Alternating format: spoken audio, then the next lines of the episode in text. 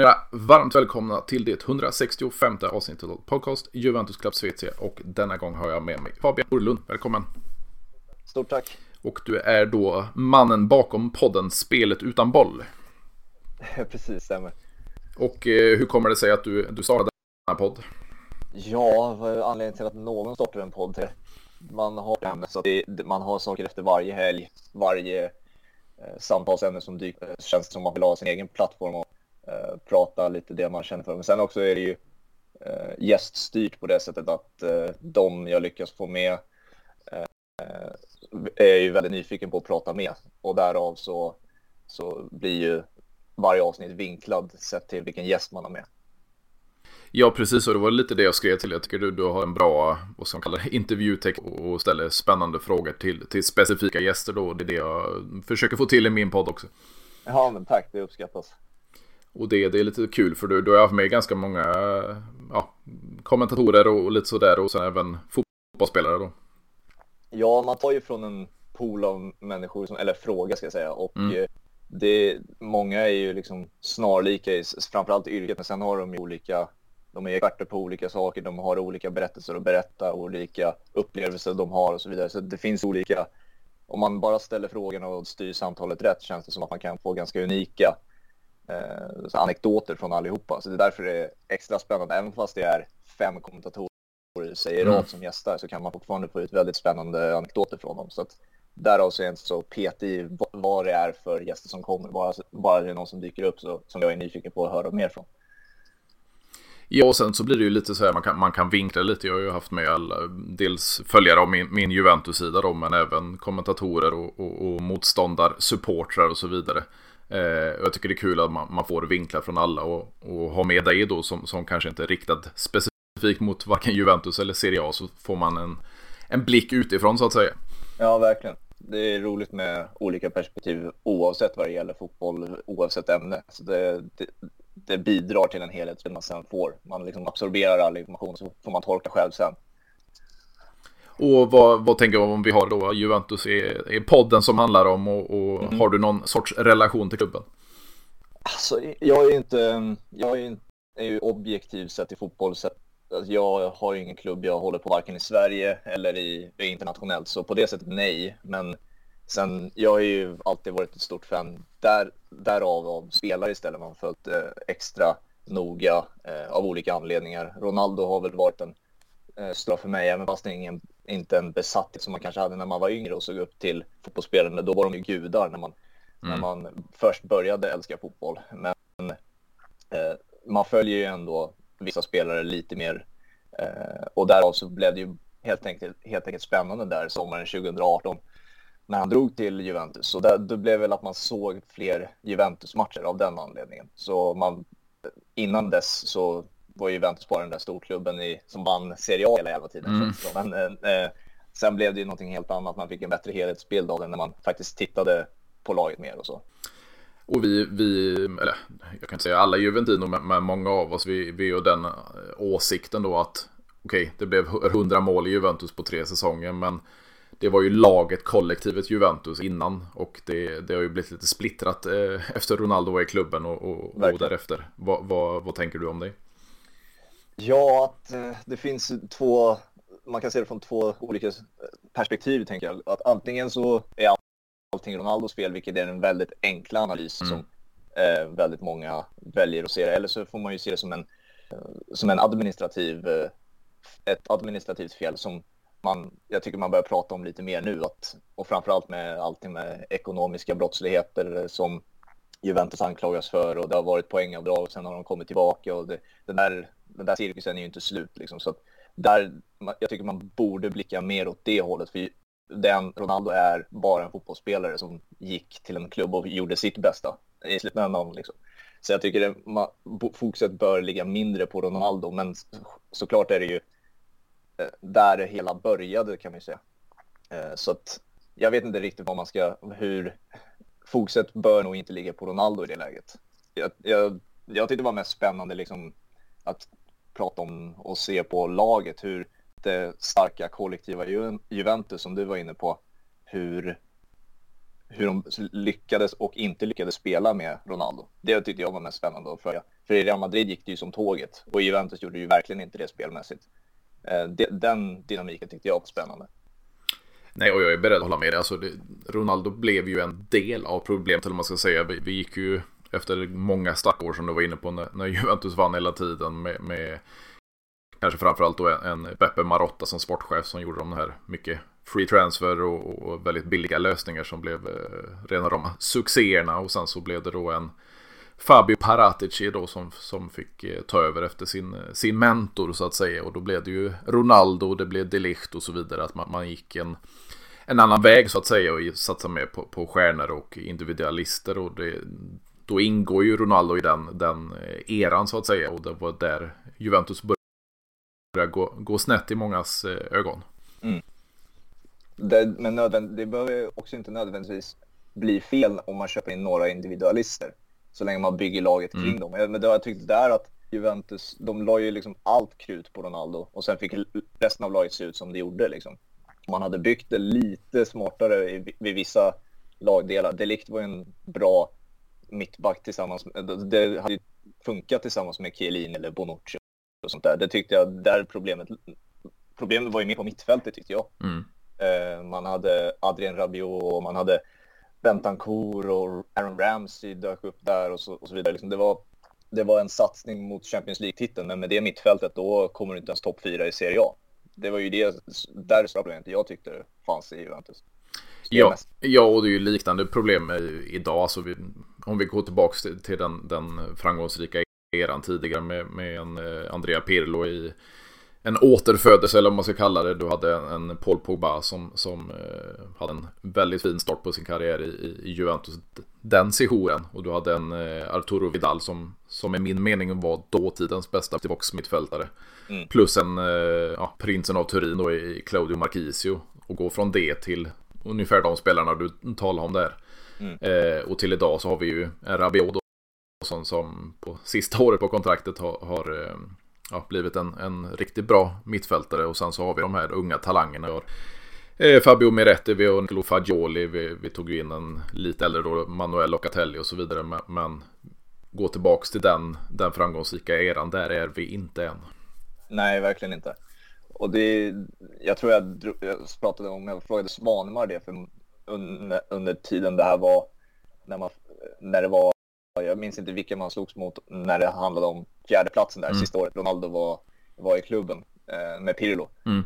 Då frågade jag liksom, vad, vem tror du vinner mittfältsduellen mellan Betancourt och Rabiot och tog, så tog jag, tror jag, Southamptons mittfält med Ward Prowse och Romeo. Mm. Vem tror du vinner? Och det där, ja, det är ju fan jämnt. Och så ska det ju fan inte vara i ett nej, nej. lag som slåss mot eh, alltså Champions League eller vill nå den där Champions League-titeln. Det var ju det, den hela satsningen, det var ju målet liksom. Ja, absolut. Eh, och så kan du inte bygga ett fotbollslag om du vill se framgång. Du får mer tittare med Ronaldo och Delict och sånt där. Det, det lyckades de ju med. Serie A blev en mer spännande liga av den anledningen. Men det var ju inte målet.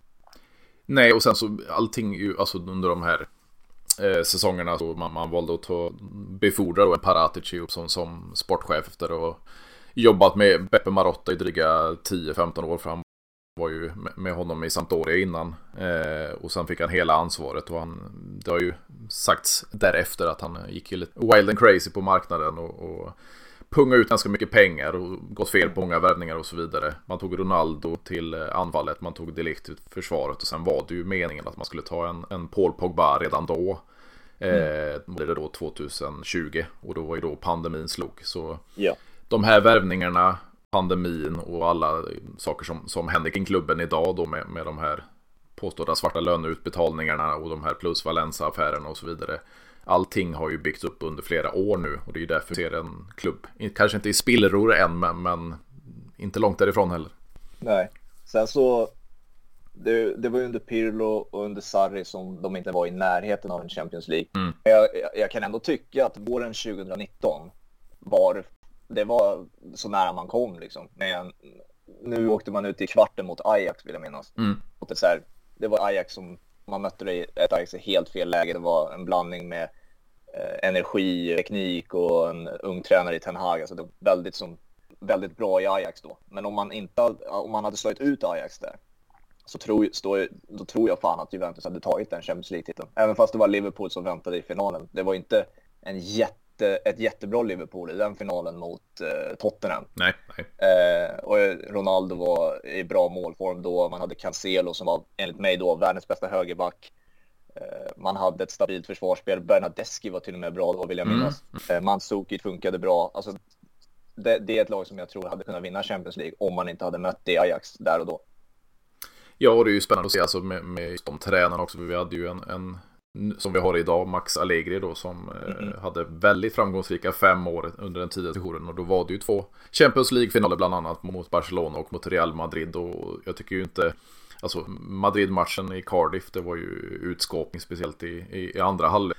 Eh, mm. Medan vi mot Barcelona, då, då var jag mer överraskad att vi gick till finalen. Men, men eh, den kunde ju gått lite, lite hur som helst också. Så, så ja, ju, man ska ju ha tur i de här turneringarna också. Men, som du säger, kvaliteten fanns ju faktiskt där. Ja, det är ju, det är ju att man måste, man måste pricka rätt. Dels med motstånden och så måste man ha så extrem tur och man måste ha en vissa spelare i extrem, extremt bra form. Och det är ju liksom, titta på Real Madrid förra säsongen. Det var inte världens bästa spelande fotbollslag alla gånger. Men de hade världens bästa spelare, Benzema. Mm. Och de hade Modric och de typerna av spelare. Jag säger ingenting som ingen annan vet här nu, men det är, det är sådana enkla grejer som ibland avgör en sån extremt bra turnering. Man hade många saker som gick för en i Juventus då. Men det var det där sista med det specifika motståndet man mötte då som det stämde inte 2019. Men om, det, om de hade vunnit Champions League där 2019, då hade man helt plötsligt sagt att satsningen var helt perfekt. Mm, så att det är så, det så det utspelar sig liksom. Och vad, vad tänker du att tar just eh, Massimiliano Allegri? Han, han kom tillbaka för, för två säsonger sedan då efter den här säsongen är över och just nu så är han ju väldigt, väldigt kritiserad. Eh, både bland, bland experter och, och Juventino och så vidare. Vad, tror du verkligen att han är mannen som ska leda Juventus in i, in i framtiden? Ja, alltså det, det är svårt det där för att när, det var, när Allegri fick lämna 2019 då var det ju liksom man ville ha ut med det gamla och in med det nya, mm. det mer offensiva, det mer possession-inriktade Juventus skulle satsas på. Därför kom Sarri in och sen kom det Pirlo. Det, det, det var de typerna av tränare man ville in, typ en De Serbi som mm. skulle kunna vara ersättare nu i så fall, om man vill gå i den riktningen igen. Men man tog tillbaka, tillbaka Allegri för att den, den possession-inriktade inriktade satsningen stämde inte riktigt. Men nu stämmer ju inte det här med Allegri den här vändan heller. Sen finns det ju flera förklaringar till det också. Men alltså det man... Jag är fascinerad mest att han är kvar. Mm. Framförallt efter den hösten. Eh, och den, alltså jag har ju fortfarande den där bilden kvar på näthinnan när, när de, den där stillbilden från Sampdoria borta under hösten. Där det var eh, hela laget gick runt som en cirkel jag vet inte om du minns vilka jag menar. Nej, det finns ingen salt på mittfältet. Alla har liksom gått ut på varsin kant och det ser ut som en cirkel spelar mm. fotboll. Eh, alltså se sådana typer av, vad ska man säga, ofungerande alltså, grejer på fotbollsplan och man fortfarande får ha kvar jobbet som tränare. Det, efter den hösten är jag extremt fascinerad att han fortfarande är kvar. Men sen, jag har ju förstått också att det, det är jävligt dyrt att sparka honom just nu mm. eftersom eftersom att kontrakten sträcker sig fram till 2025. Nej, 2023, jag kommer då. 25, ja. 25. Um, och då, och Juventus är ju redan i ekonomiskt förfall på många sätt. Så då, då, man förstår ju av den anledningen. Men det är, som svar, en lag svar på din fråga, så nej, jag tror inte han är den tränaren som Juventus behöver för att uh, börja vinna saker igen. Men han är samtidigt en tränare som står för väldigt basic grunder som Juventus kanske behöver just nu för att bara ta sig igenom skiten. Så att, jag vet inte riktigt. Det är svårt det där. Ja, och det är lite, alltså det det talas om mest är ju som du nämnde en Dicherbi och även en eh, Zinedine Zidane. Och där, ja. där är också, alltså tar du Dicherbi så är det lite som, som du var inne på där att man tar in en Sarri med en helt annorlunda fotboll. Tar du in en Zidane så är det en, det är ganska stor risk. Okej, okay, han har tre CL-titlar med, med Real. Men, men det är en klubb, alltså flytta en tränare till en annan klubb. Det är ju inte säkert att det blir, blir någon eh, omedelbar succé där inte. Nej, nej men Zidane är ju så sjukt bisarrt att säga det också efter det han åstadkom i Real Madrid. Men man vet ju faktiskt inte exakt vad man har Zidane. Man, det, man vet faktiskt kanske lite mer vad man får av De Serbi mm. än vad man får av Zidane, sjukligt nog. Men du vet ungefär grunderna du får av De Serbi, hur spelet, hur han vill spelet ska se ut och sådär du, jag, tror, jag kan inte riktigt se, mig, se framför mig hur Zidans Juventus spelar fotboll. Nej. Även fast det kanske blir kanonbra så jag har ingen aning om hur, hur han vill ställa upp, vad är det för formation han vill använda, vilka spelare vill han satsa på, vilka spelare vill han rekrytera? Ingen aning. Nej, och det blir lite konstigt så här. Jag tror folk har missförstått mig i tidigare avsnitt. Jag, jag att alla tränare kan vinna tre CL-titlar med, med, Real Madrid. Men det jag menar med att han hade minst en mm, världsstjärna på varje position. Och, mm. och sen ska du ja, hantera de här egorna också och få ihop laget och så vidare och få ett spel. Det, det är jag absolut med på även som Ancelotti gör nu med dagens eh, Real Madrid. Men, men det är ju inte det han får eh, dukat för sig i Juventus. Nej, men det är ju Ancelotti och Zidane är ju bra jämförelser att dra eftersom att mm. det måste ju vara, framförallt Ancelotti, måste ju vara den bästa tränaren när det handlar om att hålla ihop en grupp. Klopp är väl där också i Liverpool på något mm. sätt, men management som är en stor del av tränarjobbet numera. Så det, där är Ancelotti och bevisligen Zidane alltså, oslagbara på ett sätt. Eh, men samtidigt, vad bidrar de med taktiskt utöver det? är svårt att säga ibland. Ancelotti kan ibland, det har han gjort nu under sin senaste Real Madrid-session, gå bort sig ibland. Eh, jag vill minnas ett, eh, en 4-0-torsk på Bernabéu mot ett El Clasico när han spelade Modric som en falsk nio. Mm. Så att ibland blir det fel även från de där otroligt bra tränarna. Eh, men det de är brist, alltså, extremt bra på är man management. Men det är det, behöver Juventus en spelare som en tränare som håller gruppen just nu eller är det en tränare som faktiskt lägger en struktur för ett bra spel? Och ett fungerande spel och ett, ett, skapar ett lag som faktiskt blir slagkraftiga i både Serie A och Europa igen. Jag vet inte om man får det av Zidane just nu, men om man bygger ett världslag i Juventus igen och sen tar in Zidane efter tre fyra år, mm. där, då tror jag att det kan vara en match made in heaven. Ja, och det är ju lite så här med, med, som vi har varit inne på det här med finansiella läget i Juventus och anklagelser och domar och så vidare så, som är kring klubben nu. Jag tror varken Zidane skulle skulle vilja ta över ett sånt projekt eller skulle vara rätta mannen för det. För, för som du säger, alltså vi, vi har ju inte laget för att han ska kunna ja, bara gå in och, och göra ett extremt bra jobb. Utan det, det, det, kommer vara mycket jobb bakom det och få speciellt de här unga talangerna som vi har i truppen som jag nämnde med, med mittfältet där. Och vi har ju ännu mer på, på eh, eller i vår ägo så, så han har ju fått göra ett extremt stort jobb om man skulle komma in i sommar till exempel. Mm, precis. Nej, det blir intressant i sommar vad, vad Johan faktiskt väljer att göra. Framförallt nu när det är eh, anklagelser för ekonomisk brottslighet och sånt där. Vad, vad vågar man göra i sommar och sånt där? Jag är svårt att se de där stora värvningarna, men jag vet inte vad, heller, vad som pratas om just nu i Turin, vad som ska in och vad som ska ut. Ja, det är ju det är lite det, för vi har ju fortfarande som vi har haft de senaste säsongerna lite Bosman-fall och vi har ju tappat eh, en, en Chiellini, vi har tappat en Dybala, vi har tappat, om du nämnde förut, en, en Bernadeschi då så kanske inte, eller var långt ifrån en bärande spelare, men, men eh, vi har tappat diverse sådana här Bosman-spelare då och, och, det kan ju bli ännu mer i, sommar. Det kan ju bli en förlängning med Alexandro, fast det är, det är må- eller få av oss som vill ha det. Eh, bör inte bli med Quadrado. Sen har vi då en Rabiot som har spelat upp sig den här säsongen något otroligt jämfört med de tre tidigare. Så, så det finns ju vissa spelare som bör försvinna och vissa som, som man kanske ska försöka förlänga med. Eh, Di Maria hade ju bara ett ettårskontrakt eh, och så vidare. Så, så det beror ju lite på, alltså Di Maria en säsong till, det kan, det kan vara nyttigt men, det är ju ingen spelare man blir framtiden på. Nej, nej, men den, all, av alla de där namnen, Alexander, och det är väl den enda egentligen vänsterbacken Juventus har. Ja. kan använda De Chiglio som, som är helt, det är ofattbart också för mig att han är kvar. Men han kan användas som vänsterback som backup liksom. Men det, ja, det vissa positioner, ja han är kvar. Eh, hur, hur hade ni tänkt där? Eller det, hur bygger ni laget för att ersätta honom? Eller eh, bygga det där med att ta in kvalitativa spelare för att bygga någon slags grund men också en bredd. Det, mm. det, finns ju inte i Juventus. Det finns kvalitetsspelare på vissa positioner och sen finns det faktiskt väldigt, väldigt mediokra och ibland dåliga spelare som, som är som nummer två på den positionen. Uh, så det, det, är ibland, när man ser startelvan numera i Juventus, det är så här, oj, det här, så här såg det inte ut bara för ett par år sedan. Det, det är mycket ungt, det är mycket namn som många, inklusive mig själv, inte har jättebra på. Och det här är ändå ett lag som ska slåss om Champions League-titlar. Liksom. Nej, Champions League-platser, förlåt. Mm. Jo, men det blir lite problematiskt. Jag kommer på ett namn och vi har en Andrea Cambiasso då som spelar på lån i, i Bologna. De kan gå in på, och det troligtvis går in på, på vänsterkanten i Juventus nästa säsong. Men som du säger, vi har ju ingen backup där. Försvinner Alexandro och dessutom så har ju Alexandro spelat en eh, av tre mittbackar den här säsongen med Mm. Eh, och dessutom gått då från ett BBC med, med Masagli Chiellini, Bonucci till en hel brasiliansk trio där bak. Det är ju inte likt Juventus heller.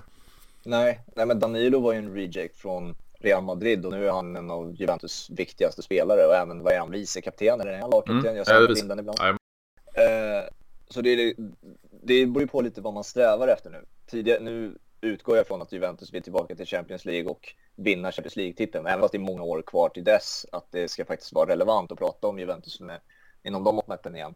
Men det beror ju på var man sätter ribban just nu. Man, om man sätter ribban på Champions League-titel inom några år, då kan man inte ha kvar Danilo. Eller eh, ja, ta en annan spelare som vare sig Rabiot till exempel, även mm. fast han har spelat upp sig. Han är så pass bra. Eh, och jag har sagt det på många år och det är väl många som inte håller med mig där. Mm. Han är extremt överskattad. Har länge varit. Uh, inte, ett, inte en spelare man bygger ett lag kring. Liksom. Han har blivit, jag vet inte hur han fortfarande tar en plats i franska landslaget uh, i den startelvan. Liksom. Men jag tror att det är många som inte håller med mig där heller.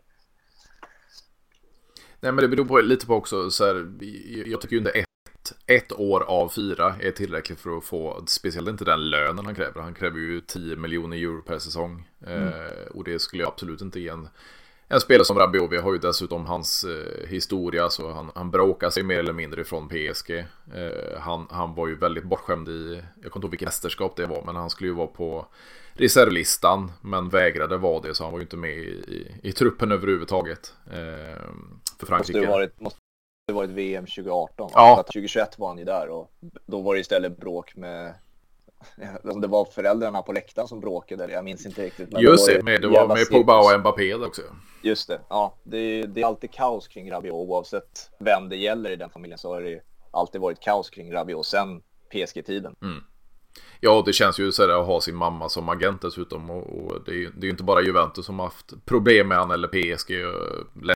Läste även Walter Sabatini som ja, var sportchef lite överallt, men det var i Roma den tiden han sa det att han, mm han sa väl något fel till mamman och då blev det ingen affär. Så, så, så hon är nog ganska problematisk att arbeta med.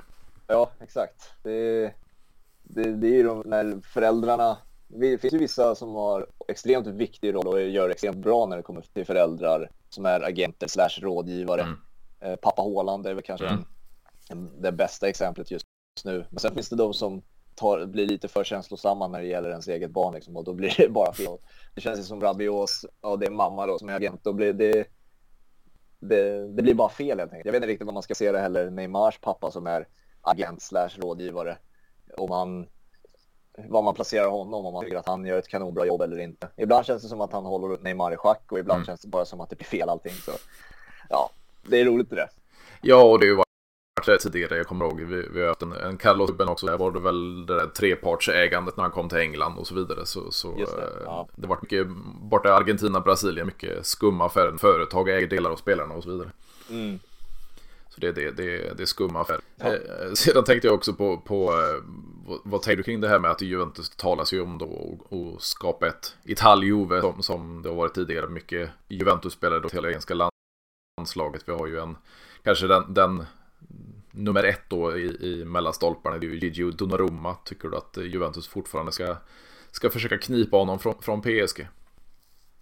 Ja, man, vet ju inte riktigt hur nöjd han är i PSG. Nu kan han är lite mer nöjd. Förra säsongen var han ju inte nöjd då det var Keiro Navas som, som eh, ja, egentligen spelade bättre än Donnarumma. Och Donnarumma gör ju, gör ju två säsonger nu i Champions League med PSG där han har misstag var, nu mot Bayern München när de åkte ut gjorde han väl också ett misstag om mm, jag inte minns. Mm, och eh, Real Madrid så var det ju också ett misstag som bidrog till att de åkte ur. Liksom. Så att, man kan ju inte basera enbart det, men jag tror nu när han är ohotad detta så är det ju mer ro hos honom eh, och att han är kvar i PSG då. Han är ju fortfarande kring världsstjärnorna och de inbillar väl sig själva fortfarande att den där Champions League-satsningen kommer snart pricka rätt snart.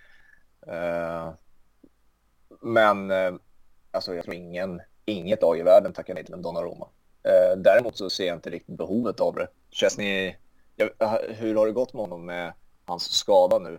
Som, eller att han gick av med hälsoproblem? Eller hur? Ja, var ju, han fick, eh, eh, det var med hjärtat där, men, men de gjorde tester direkt och sen gjorde de tester dagen efter och det var inga bekymmer och sen så har han ju spelat en match därefter så, så det ska ja, inte det vara något problem. Det ska inte vara något problem. Nej, men jag ser inget behov av att ersätta Chesney med med Donnarumma. Så Chesney har varit bra och är bra fortfarande. Han har varit bra hur länge som helst känns det som. Så jag ser inget behov där. Men sen utöver Donnarumma-positionen, vilka spelare pratas det om mer att ta in då i så fall? Ja, vi, vi har ju speciellt mittfält, många italienare. Mm. Eh, men ser man på italienska landslaget, vi har ju varken massa mittbackar och vi har inte massa anfallare. Vi har ju till och med tagit in han, eh, inte hans uttal, men Retti, Retti, eh, argentinare som har mm. italiensk härkomst då in i landslaget. För vi har inga det har gått i Immobile som inte har lyckats i landslaget och vi har ju en Skamacka då i, i West här som, som har fått agera anfallare i landslaget och det är kanske inte någon av dem som ska in i, i Juventus. Och, och bak till har det ju varit spelare som Acerbi till exempel i, i Inter eh, ja. och Baston. Han är ju yngre och, och av kvalitet men går knappast Juventus. Så, så, eh, det är lite problematiskt för Juventus del att få in alla de här utan det är mittfältare. Ja, nej men mittfältare, alltså jag, om man går tillbaka till eh, EM-vinsten där, då var det ju liksom kanske mest spännande in mittfältet de hade mm. där med Locatelli, eh, Verratti, Eh, sen hade vi, vad hade vi mer nu? Så att jag inte säger fel. Vi hade... Eh... Gud, jag ska se. Barella och Jorginho. Ja, Barella och Jorginho. Just Jorginho. Det var ju, det var ju eh, Ballon snack om honom. Då. Precis. Eh, men det var ju, alltså, det var ju en, det var ju fyra som blev en trio liksom. Eh, så man behövde peta någon av dem. Och det var ju Beratti mycket som blev petad på grund av att han drogs med en skada under det mästerskapet. Men alltså att locka, eh, locka till en Jorginho till Juventus. Jag vet inte med relation till Napoli och sånt där hur realistiskt det hade varit. Verratti måste ju lämna PSG någon gång. Eh, men samtidigt är han extremt skadebenägen mm. som man vet. vet jag. Barella kommer ju inte lämna Inter. För det är, om, om, man tittar på det mittfältet så är det, det mesta orealistiskt. Eh, det är liksom, återigen går till om satsningen ska vara ja-titeln. Skulle det vara den kalibern på spel?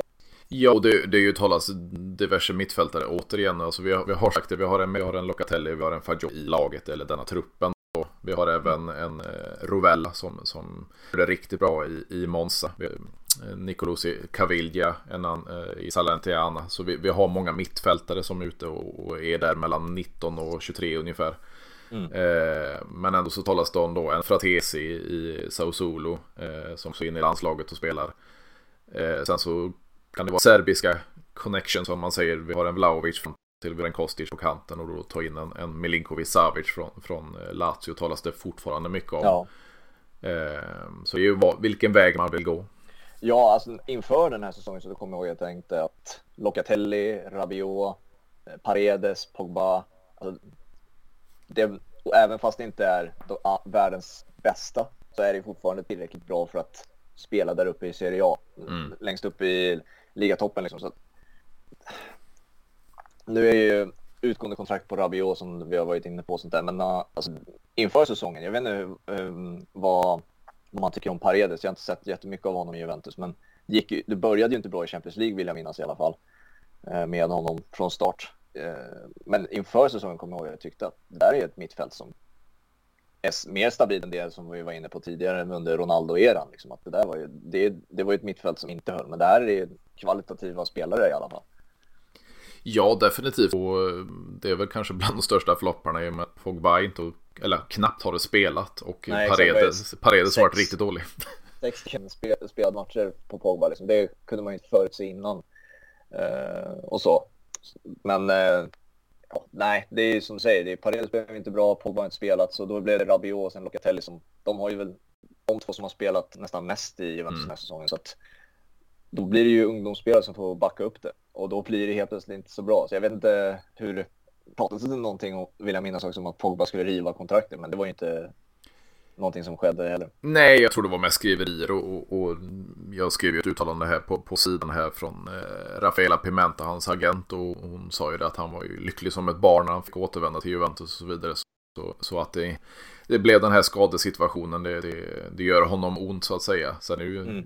finns ju inga garantier att vi får, får se en, en, en gammal Pogba i den här sessionen igen. Men, men eh, återstår ju att se nästa säsong om man kan ta tillbaka från de här skadorna och vi får åtminstone se glimtar av hans gamla. Ja, men det på, situationen känns som påminner ganska mycket om Sergio Ramos i PSG mm. första år. Liksom, att det var skador. Ibland så har ju spelare sådana. Liksom, att det är skador som kommer på löpande band. De rehabbar en skada och sen så de man drar man någonting annat i samband med rehaben och eh, man överbelastar någonting annat eller skadar någonting annat för det är otränat om man inte är matchredo och sådär. Så, sånt händer ju spelare. Det är inte bara Pogba och Sergio Ramos som har varit med om det. Eh, så att någon gång måste han ju bli frisk. Det är inte någonting, han är inte borta resten av sin spelarkarriär liksom. Nej, nej. Så någon gång kommer ju Pogba tillbaka och bara om man kan leverera något snarlikt av det han gjorde i sin första session i Juventus, då, då har ni en av seriens absolut bästa mittfältare. Ja, det är ju lite så här om man får tillbaks den spelaren, eller del som jag nämnde då. Alltså vi hade ju en, en Andrea Pirlo då som, som var riktig maestro på, på eh, en liten sittande roll, en registerroll i Juventus. Sen hade du en Vidal då som, som alltså var briljant både i det tuffa spelet och gjorde mycket mål och så vidare. Eh, och sen hade du en Pogba, en friare roll och, och det är en Mezzala då i italienska termer så att säga. Och sen kunde du komplettera alla de här positionerna med Marquisio. Skulle du kunna få in ett liknande mittfältning som kommer upp i, i Pirlo-klass. Men, vi har en Locatelli som fungerar ganska väl i en registerroll. Vi har en Rovella som vänder då som, som verkligen kan bemanna den positionen och då kunna få på ena Mezzala-rollen och en annan lite mer på, på, på den andra sidan så, så kunde det bli ett riktigt bra mittfält igen.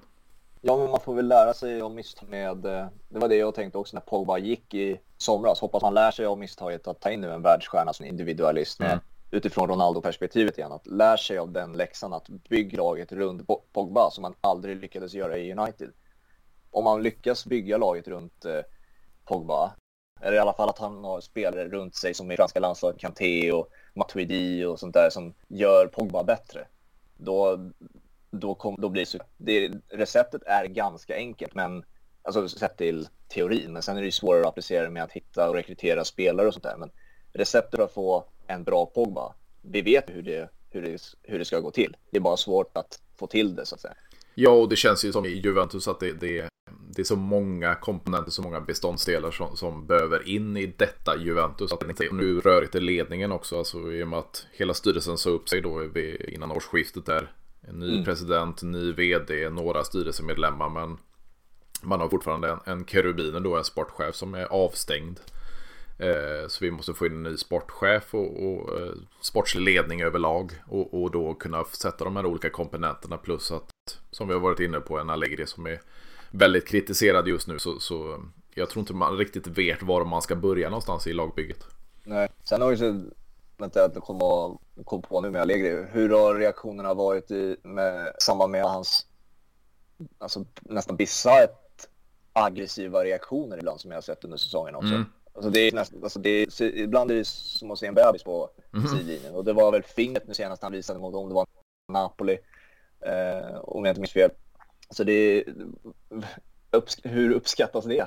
det? det? känns inte rimligt att en tränare får bete sig hur som helst där. Nej, och det är ju inte Lustig och Juve som man brukar tala om heller och bete sig på det Exakt. sättet. Och, och, det har varit lite diskussioner då om man kunna bli avstängd internt och så vidare. Men, men det har ju inte blivit någonting där. Men det var både Napoli-matchen och nu senast mot Inter då han uttalar sig ganska och, lite, lite halvbrutalt mot, mot direktörer och så vidare. Sen var ju även ja. Landucci då, andra tränaren ute och sa lite saker om, om Spalletti och så vidare. Men, men eh, ja, det, det, känns som att Allegri börjar tappa det rent mentalt också. Ja, exakt. Om det var en miss i, tidigare den här säsongen, om det var Di Maria som missade mm, och han mm. sprang mm. in i spelargången, kommer jag vilja minnas. Alltså, ja, reaktioner som är, alltså man brukar ju prata om att Klopp eh, som ett exempel har alltså, ett visst problem att hålla känslorna inne ibland. Men alltså man får ju inte se någon typen av reaktioner heller. Det är ju faktiskt på alltså, nivåer som man ser i, alltså barn reagerar så. Typ. Mm, mm det, det, det, finns inget filter, det finns ingenting som det finns ingenting i hans bakhuvud som tänker nej men det här kanske inte är en reaktion att ha. Både, ja, det ser ju, det ser ju bara desperat ut liksom också. Jo, det känns ju lite som, så här, jag, jag, varit, jag, jag skrev med, med en följare av sidan eh, i dagarna här lite om Allegris utbrott och så vidare. Och det känns ju som, jag var inte jättenöjd när Allegri kom tillbaka inför förra säsongen, men, men den här säsongen så har jag vänt lite, speciellt nu på vårkanten och sånt där, så blir man lite så här, han jobbar mycket med ja, det mentala med spelarna. Han har hela tiden sagt att vi har, vi har haft de här poängen med 15 minuspoäng. Att vi har haft det hela tiden och han jobbar på, på det mentala och psykologiska. Och så här. Jag tycker att han har gjort det bra. Men nu när det går lite sämre för Juventus resultatmässigt så känns det som att man tappar lite. Precis.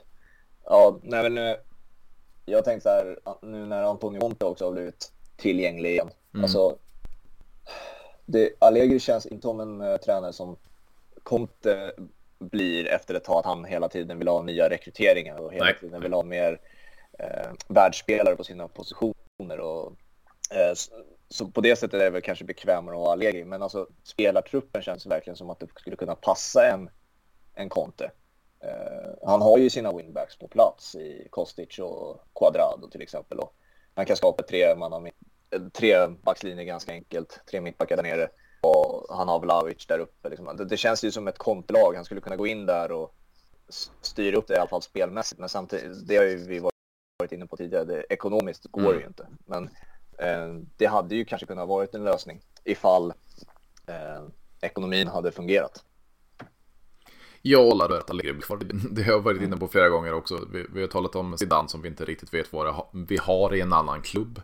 Eh, vi har talat om De Cherbi som då skulle vara en helt annan fotboll än vad Juventus brukar spela. Och vi talar om en Antonio Conte då, som, som tidigare varit i klubben men har kort brintid och, och kommer ju inte vara kvar i Juventus mer än två, tre säsonger om man skulle Så det känns mm. ju så att alla de här delarna gör att Allegri kommer vara kvar två år till. Men du sa att du inte var nöjd med, Allegri, äh, med beslutet att Allegri kom in mm. förra säsongen. Vem, vem var aktuell utöver Allegri i så fall? Jag tror inte det är många namn heller. Det talas ju fortfarande om Zidane, det gör det ju varje. Eh, det har varit lite Deschamps, eh, men nu förlängde ju han med, med franska landslaget också. Eh, ja. Vi hade ju han en säsong, men det var ju när han tog upp oss från, från Serie B då efter Calciopoli. Ja. Så det, det, har ju inte varit, det har varit i Cherby och det har varit lite sådana namn. Italiano har väl varit lite intressant också i, i eh, vad nu, Spezia. Ja. Så, så det har varit lite sådana namn, men, men ja, det, det, det, det är så, vad ska man säga, panikartat där med, med Sarri treårskontrakt kickade efter en. Ta in en paniklösning då med, med Andrea Pirlo, tvåårskontrakt kickade efter en. Alltså, man, man, man, var så ute på, på, på halis den perioden så jag tror inte man hade någon, någon klar eh, plan utan då blev det att ta tillbaks Allegri helt enkelt. Nej, ja, alltså det, det där med under den tiden när det var Sarri och Pirlo, det, det var ju liksom rimligt att sparka dem när de gjorde det. Eh, men samtidigt så eh, tänker man också så här, vad hade hänt om Sarri hade fortsatt ett år till? Mm. Bara ett år. Men samtidigt så var det ju så infekterat också bland eh, spelartruppen. Han pratade ju skit om sin egen spelartrupp, att de inte gick på coach, vilket inte heller går. Och han skulle, han skulle skatta sig lycklig att han hade Dybala och Ronaldo längst fram, för den Serie A-titeln är ju väldigt mycket tack vare de briljanta insatser de hade som kombo ibland. Eh, annars hade ju Inter med Conte sprungit iväg med den där Serie A-titeln som de gjorde sedan ett år senare. Mm. Så ja, det är, det, det är intressant under den härvan, alltså vem man kunde plockat in där, om det inte var Sarri, om det inte var Pirlo, som faktiskt hade kunnat lyckas och ha i alla fall någonting mer stabilare i Juventus där och då. Och det fanns en annat, annat tränarnamn där och då som kunde kommit in och eh, vunnit, men också gjort spelartruppen nöjda och så vidare. Jag tror det är enbart Conte som skulle kunna göra jobbet. Och, och jag, jag, är osäker på om jag vill se honom tillbaka nu. Alltså för som sagt, kort brintid. Eh, sen älskar jag, han kan ju få en medelmåtta till att vara många gånger. Men, men det är ju det är ingenting vi bygger på framtiden. Jag tror nästa tränare Jöns, då måste man satsa på den tränaren i långa loppet och ge, dem spel, ge spelarna för det materialet. För det, det talas ju om, alltså Sarri Boll passar ju inte det Juventus-laget han tog över. Eh, han skulle ju till exempel, som vi talade om innan då, en Jorginho skulle ju passa, för det har han haft i, i, i Napoli och haft i Chelsea bland annat. Eh, han var ju lite spindeln i nätet åt, åt Sarri Boll där. En Pjanic det var det, man, det, det, det var det man trodde man skulle Pjanic skulle vara. Mm. Men det funkar ju inte alls. Eh, så, så, så, det... Hade han fått en en säsong till så tror jag det kunde blivit mycket bättre. Sen vet jag inte om det är Juventus att spela den sortens fotboll. För det tillhör inte vår historia så att säga. Men, men, men det hade varit intressant att se någon sort, sån sorts fotboll. Alltså lite mer modern, lite mer offensiv, lite mer kreativ. Typ till Cherby som vi ser nu i, Brighton och så vidare. Att man, man testar på något nytt och satsar verkligen på det och ger ge det tid och ge spelarna till material, eller ge materialet till spelet och så vidare så, så tror jag det kunde, kunde bli riktigt bra. Jag tror det, min hobbyanalys av det hela är ju att det är rätt väg att gå ändå. Även fast det är mycket som behöver klaffa då. Så är det ändå för att lyckas eh, ute i Europa och sånt där så är det den typen av fotboll man helst ska bedriva. Och då är ju Serbi rätt man. Det är egentligen det enda namnet, möjligen Zidane, men som sagt man vet inte riktigt vad man får. Men De Serbi känns ju som rätt namn i så fall. Mm. De ska ta den vägen. Och sen får man då helt enkelt strukturellt och administrativt acceptera att det kommer ta lite lång tid, men att det är liksom det här Juventus som vi, vi ska se numera. Det är mer progressiv fotboll, det är mer possession-inriktat, det är mer Ehm, kreativitet. Det är inte samma eh, defensiva struktur som historiskt sett har varit Juventus, utan det, nu får vi faktiskt lämna den delen bakom oss. För att nu när vi har försökt gå tillbaks till det så har det heller funkat med Allegri. Så då, nu kanske vi ska blicka framåt och faktiskt satsa på den typen av fotboll. I alla fall i, inte ett eller två år som det blev med Sarri och Pirlo. Nu får vi ge det i alla fall fem år. Sen får vi utvärdera efter det. Ja, och sen känns det ju som jag är inne på det tidigare också, det här med, med som, som genomgår stora förändringar och sen så blir lite tuffa år framöver. Vi har ett Milan då som var väl utanför Champions League i tio år efter mm. att eh, Berlusconi lämnade skeppet. Vi har ett eh, Inter då, inte lika många år, men många år eh, lite längre ner i tabellen och så vidare efter Moratti sålde och så vidare. Nu har vi, nu, nu har ju inte familjen Angeli Elkan sålt Juventus, men, men eh, när, när Andrea steppade ner från, från presidentposten och så vidare så har det blivit stora förändringar även där. Men det känns ju de här tre ligatitlarna nu som har gått till andra lag. Det känns som det, det räcker det här för att vara Juventus utan nu, nu ska tillbaka till där man, där man hör hemma och vara på den mm. nivån. Ja, precis. Och det, det, det, det känns det tar lika många år men, men, vi har en del att göra. Vi har även fram till då en, en Dusan Vlahovic då som, som har en extrem eh, måltorka på vårkanten. Tror du att det, det, är en tränare som, som eh, förändrar det eller tror du att eh, så pressande som gör att det, det ser ut som det gör? Alltså det är ju, vad är det för ålder på honom? 23? Mm.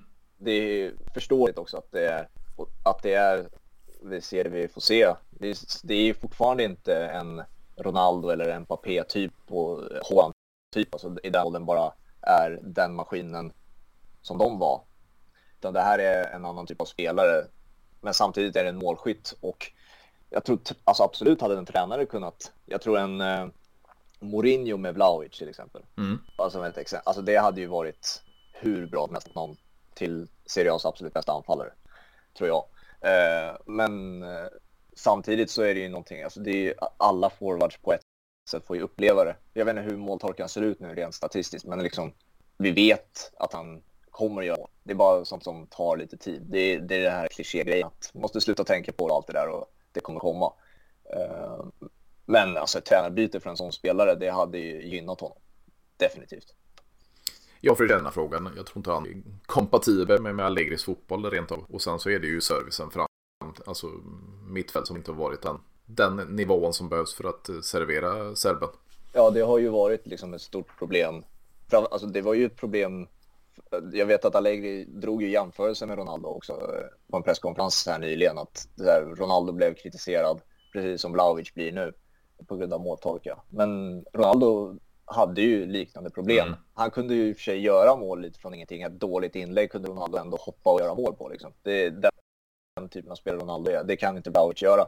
Men alltså servicen till Ronaldo var dålig. Många perioder under uh, hans tre år i Juventus.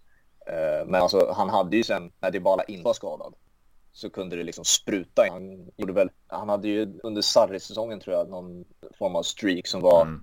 som var unheard of när det kommer till Serie eh, och sånt där. Och mycket tack vare att han hade en sparningspartner i Dybala. Pjanic hittade honom några gånger också och sånt där. Det, det finns ju inte i, i uh, Juventus. Det är ju liksom Di Maria och en hel Pogba som hade kunnat bidra till det. För att det, det är ju så det är ju så i Juventus nu. Det är ju individualisterna som måste göra det. Och Det är ju värsta som för en forward.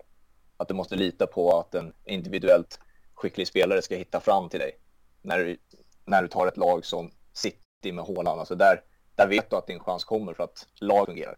Samma sak Salah i Liverpool. Laget fungerade så chanserna kommer. Eh, I Juventus, då, då, är det individualister som måste göra det. Så är det ju bara. Och då, då kommer inte målen lika naturligt längre. Nej, och det är ju det är extra problematiskt om man ser på de spelarna vi har nu. En Kesa som kommer tillbaka från en långtidsskada. Han, han ser ju livrädd ut så fort han får en smäll. Eh, ja. Så det är mycket det psykologiska där också. Vi har en Di som kan vara briljant men sen kan han vara ganska osynlig i andra matcher. Eh, Milik då som, som kanske inte är på den nivån men, men arbetar mycket och, och ganska lik. Lite mer av en targetspelare än vad, vad Vlahovic är kanske men och sen har vi då en Keen då som, som kanske inte många är överlyckliga över att ha i Juventus igen. Så, så eh, det är ju hans lekkamrater där fram till också som kanske inte har samma kvalitet. Nej, det är ju det, är ju det liksom. Tidigare hade man Mandzukic, Ronaldo, Dybala, Higuain kom in mm. eh, också. Så det var ändå kapabla spelare alltså, som kunde göra mycket, eh, både för lag men också individuellt. Alltså Moise Keane, en av tio matcher kanske han kan göra någonting briljant. Mm. Samma med Milik. Eh, Milik är väl, alltså, om man ska vara taskig, en Dzeko light. Ja, på många sätt. Eh, så det, det är inte, det är inte spets i Juventus. Det är Vlahovic som är en, en spetsspelare när han är i form. Eh, men sett till anfallare är ju enbart Vlahovic som är det. Resten är ju eh, längre bak i plan. Liksom. Och där, där, det är som jag sa, där längre bak i plan, där måste spelet fungera för att bollen ska kom, kom, komma fram till Vlahovic. Och det gör ju inte, det har inte gjort på hela säsongen. Nej, det är problematiskt för, för det är ju målskörden som vi, vi saknar egentligen i de här skitmatcherna för en historisk så, så eh, jag tycker framförallt under den eran vi pratar om med, med Pillo, eh, Pogba, Vidal och, och de på, på mittfältet där att man, man, kunde spela ganska dåligt men man vann de här skitmatcherna då. Man, man vann stormatcherna för Juventus och, och målskörden finns ju inte där vare sig det, det handlar om en Kesa, det är och så vidare utan det är runt 10 mål på, på våra anfallare om det är ens det. Eh, nu, mm. nu är Rabiot kommit upp i sju mål tror jag den här säsongen på mittfältet då men, men det är långt ifrån de, de anfallarna vi haft tidigare och det är verkligen långt ifrån de mittfältarna vi haft tidigare. Ja, nej men jag, skit, jag spytt galla över Rabiot, men liksom, mm. det är väl en sak han är väldigt bra på. Det är djupledsgående mittfältare. Ja, absolut. Det är, det är någonting han är väldigt bra på, för han har en snabbhet som få in i mittfältare har. Det är inte en in i mittfältare som ligger eh, mellan linjerna och fördelar boll sidled, utan där bollen ska oftast eh, framåt, för sidledspassningar är Rabiot ganska dålig på. Mm. En djuplöpning och eh, ett hårt skott har han ju, så alltså, poäng kan han faktiskt bidra till någonting Rabiot eh, faktiskt väldigt bra på. Eh, så det är inte konstigt faktiskt att han har kommit upp i de siffrorna. Men det är väl också återigen att han har, han, det är väl ingenting Allegri kanske trycker på extra att, vi måste, att Rabiot ska vara en poängspelare i Juventus. Det är någonting han tar, han tar e- egna initiativ, liksom att nu måste fan hända någonting så då blir det en spontan djupledslöpning. Liksom. Ja, och, och se spelare, vi har ju fler spelare i truppen i vår ägo som är ute på lån. Vi har en Artur Melo då i, i Liverpool, vi har en Dennis Zakaria i Chelsea och så vidare. Som, ja, Artur vet jag inte vad man ska göra av. Men, men, men Zakaria finns det ju en kvalitet i som vi nästan inte fått se Ja, just det. Weston McKennie glömde jag bort när jag såg upp kort tid i klubben. Men, men tror du att de här spelarna alltså det, skulle... Och Weston McKennie De hade ju sina bra matcher. Alltså tror du att någon av de här skulle kunna göra en liten karriär i Juventus? Men uh, McKennie, han slet ju liksom. Det var ju som en Aaron Ramsey mm. slet mycket. Uh, och uh, han hade väl en, en briljant bra match på Camp Nou. Ja. Han gjorde han två mål. Nej, det var Ronaldo, gjorde två, han gjorde ett. Ja, det var riktigt. Han är riktigt bra period där, tidigt under Pirlo-eran. Men liksom, uh, nej, alltså det, det är inte mittfält man ska satsa på, definitivt inte. Det är ju en Leeds-spelare, McKennie. Det känns mm. så. Det är inte en Juventus-spelare, uh, spelmässigt i alla fall. Uh, Artur, när han kom till Juventus trodde jag faktiskt på honom. Jag trodde faktiskt att där, även fast det skulle vara komplicerat så om man skulle satsa på den där fotbollen som Juventus då satsade på med, jag var inne på den progressiva, då tror jag, mm. då trodde jag att han var in rätt bra. Han, är, han skulle vara en yngre och lite bättre Pjanic som hade, de hade bytt ju bara roller där. Igen. Uh, den trodde jag på, men det, gick, det krävdes ju inte många matcher för att säga nej, det här kommer inte heller funka. Uh, och så, så det, det, det är inte mittfältare, nej, det är inga mittfältare man ska satsa på. Uh, jag tycker det är trist med Artur, för jag, jag tidigt i Barcelona där om det var 2019 eller när han nu kom in. Mm. Eh, alltså det var ju en mittfältare, ja men det här är ju nästa Xavi. Det var ju liksom otroliga, eh, otroligt bra sittande mittfältare som spelade och passade Barcelona perfekt. Sen bara gick all, hela karriären åt skogen liksom. Ja, alltså den, den, den sort, alltså Barcelona-spelet, det passar ju perfekt. Men ja. i Juventus, där man kunde ju inte göra en, en vertikal boll överhuvudtaget. Det var ju sidledare bakåt och Liverpool, alltså, jag vet inte vem hans rådgivare är eller om han bara vill gå till en, en, eh, en stor klubb. Liksom. Mm. Det, det, är ju rätt bra klubbar han går till, från Barcelona till Juventus till Liverpool. Liksom. Det är ju mm. hyfsat CV, men alltså, det är inte klubbar som passar honom. Barcelona passade honom där och då. Men alltså, de andra två klubbarna, det är inte världens bästa klubbval, det är det ju inte. Nej, jag tycker det var lite intressant. Vi har en spelare till jag tänkte ta upp. Jag lyssnade på ditt avsnitt med, med Kifaloti som, som varit aktiv mycket i BP då med bland annat Dejan Kuli. Mm. Nu är i Tottenham då. En Antoni Conte har lämnat som vill ha in Kulusevski. Vi har en eh, Fabio Attici som, som värvar han till Juventus och sen men han är fortfarande lån. Mm. Tror du att han skulle kunna vända? Ja, jag vet inte exakt vad för deal de gjorde där den januari, det januarifönster för snart ett och ett halvt år sedan. Mm. Så låning och allt det där, det finns väl en utköpsklausul, det är väl det som finns. Det, det, det finns en köpoption och den skulle blivit om man tog sig till Champions League den säsongen, det gjorde man inte. Uh, så det är fortfarande en option. Okej, okay. ja men så det, det finns ju väldigt mycket i Tottenham. Det har han ju varit inne på mm. också, att han får ju chansen. Han är ju, han har ju fått konkurrens med Danjuma där och eh, Richarlison, men han är ju bättre än de spelarna. Eh, mm. mm. Jag, jag, jag tyckte det nästan är bisarrt för att han är ju inte, han är ju fysiskt väldigt imponerande att se på det. Eh, har lungor och allt det där. Alltså det är, men jag trodde fortfarande att ibland kändes det som att spelet gick lite för snabbt, att han var lite för långsam i Serie A. Och Serie A är ju känt för att ha alltså, väldigt långsamt spel i jämförelse med Premier League. Men Premier League, så där var ju passade tempot honom perfekt.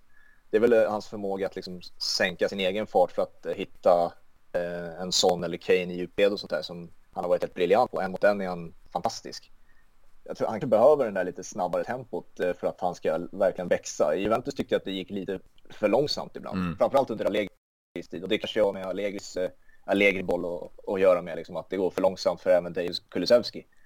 Uh, men alltså det är en spelare man bör satsa på om man är i Juventus. Men jag tror inte Dejan är sugen på att gå tillbaka.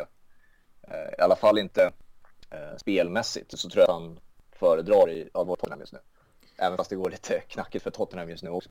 Jo, men det är ju det. Alltså, jag, jag tror också att han helst stannar i, i, Spurs, men det beror ju lite på, på vem som kommer in på, på tränarposten också. Eh, som, som, som, tar över Tottenham efter Conte och vem som är sportslig ansvarig då efter Paratici. Om, om de vill ha kvar honom, för det är ju inte bara han det, det gäller heller. Även om man gör, sin, om man gör hemläxan nästa tränare i Tottenham och eller sportchef i Tottenham. Då, om man tittar på det man har eller hade om Kulusevski till Juventus då är det så här, ja, vi, man ska inte satsa på Danjuma eller Richarlison. Det är Kulusevski vi ska satsa på, mm. både spelmässigt men också. Det är ju Dejan som har varit överlägsen. Uh, men om man går på namn, uh, som man enkelt gör där borta i England, mm. då är det ja, men Richarlison, det är han vi ska satsa på. Uh, då, inte, då tror jag inte är den, det namnet som man satsar på. Men jag, vet, eh, jag skulle väl se kvämt eh, om man var Dejan ändå för att det är två bra lag mm. oavsett och alla lag, vart han nu hamnar. Men jag är ju rädd att han fick inte spela den där Allegri. Så om han placeras på en Juventus-bänk då är det ju, då har ju Allegri inte heller gjort sin läxa och kollat vad som händer borta i Premier League. För att det finns ju ett tydligt och effektivt sätt att använda Dejan Kulusevski på. Ja, och det, det känns ju, alltså första säsongen under eh, Pirlo, då var han ju som en central anfallare tillsammans med, med Erdo. Och det är ju inte riktigt mm. där någon ser han. Han var ju lite så med, med Isak i landslaget, men, men jag ser han ju mer som en släpande bakom anfallet eller då, eh, och kanten. Och då skulle det kunna fungera om, om Juventus kör ett 4-2-3-1 eller ett 4-3-3 eller så vidare. Så, eller 3-4-3 bland annat. Så, så, så, skulle han kunna passa in i det. Men då är det Allegri som tränare. Nej, exakt. Det, högerkanten ska vara Dejan Kulusevski som mm. vi snackar i Tottenham eller Juventus. Det finns ingen bättre spelare som kan peta honom. Eh, om man bara går på det spelmässiga liksom. Så jag, jag är bara rädd för Dejans skull. Det, det är någon, eh, vem, vad beslutet nu ens tas av vem det tas så jag är rädd att de inte gör sin spelmässiga hemläxa. Liksom, och kolla faktiskt på vad han har bidragit med. Om man kollar på någonting annat, då, då, kan, då kan det fattas fel beslut. Definitivt, definitivt. Jag känner så här frågan. Jätteskönt snack. Mycket större bild av Juventus än vad jag förväntat mig. Så det var det är ett riktigt bra snack det här. Ja, tack. Det har man väl lite över att man kan bidra med någonting när det inte är ens eget. Men det var ju bra. Kul att Jo, men det är skönt och som jag sagt också, han bara har en, en Juventus-supporter med eller någon, någon som är i sin. Men du har koll på tränare, spelare och klubben överlag. Så det, det, det blir riktigt bra samtal. Ja, vad bra. Det om det är någon som lyssnar som någonting jag sagt som inte var Eh, som inte håller med mig, så var, var please, håll, var, var schysst här nu, för det, det är fan inte mitt lag jag pratar om här.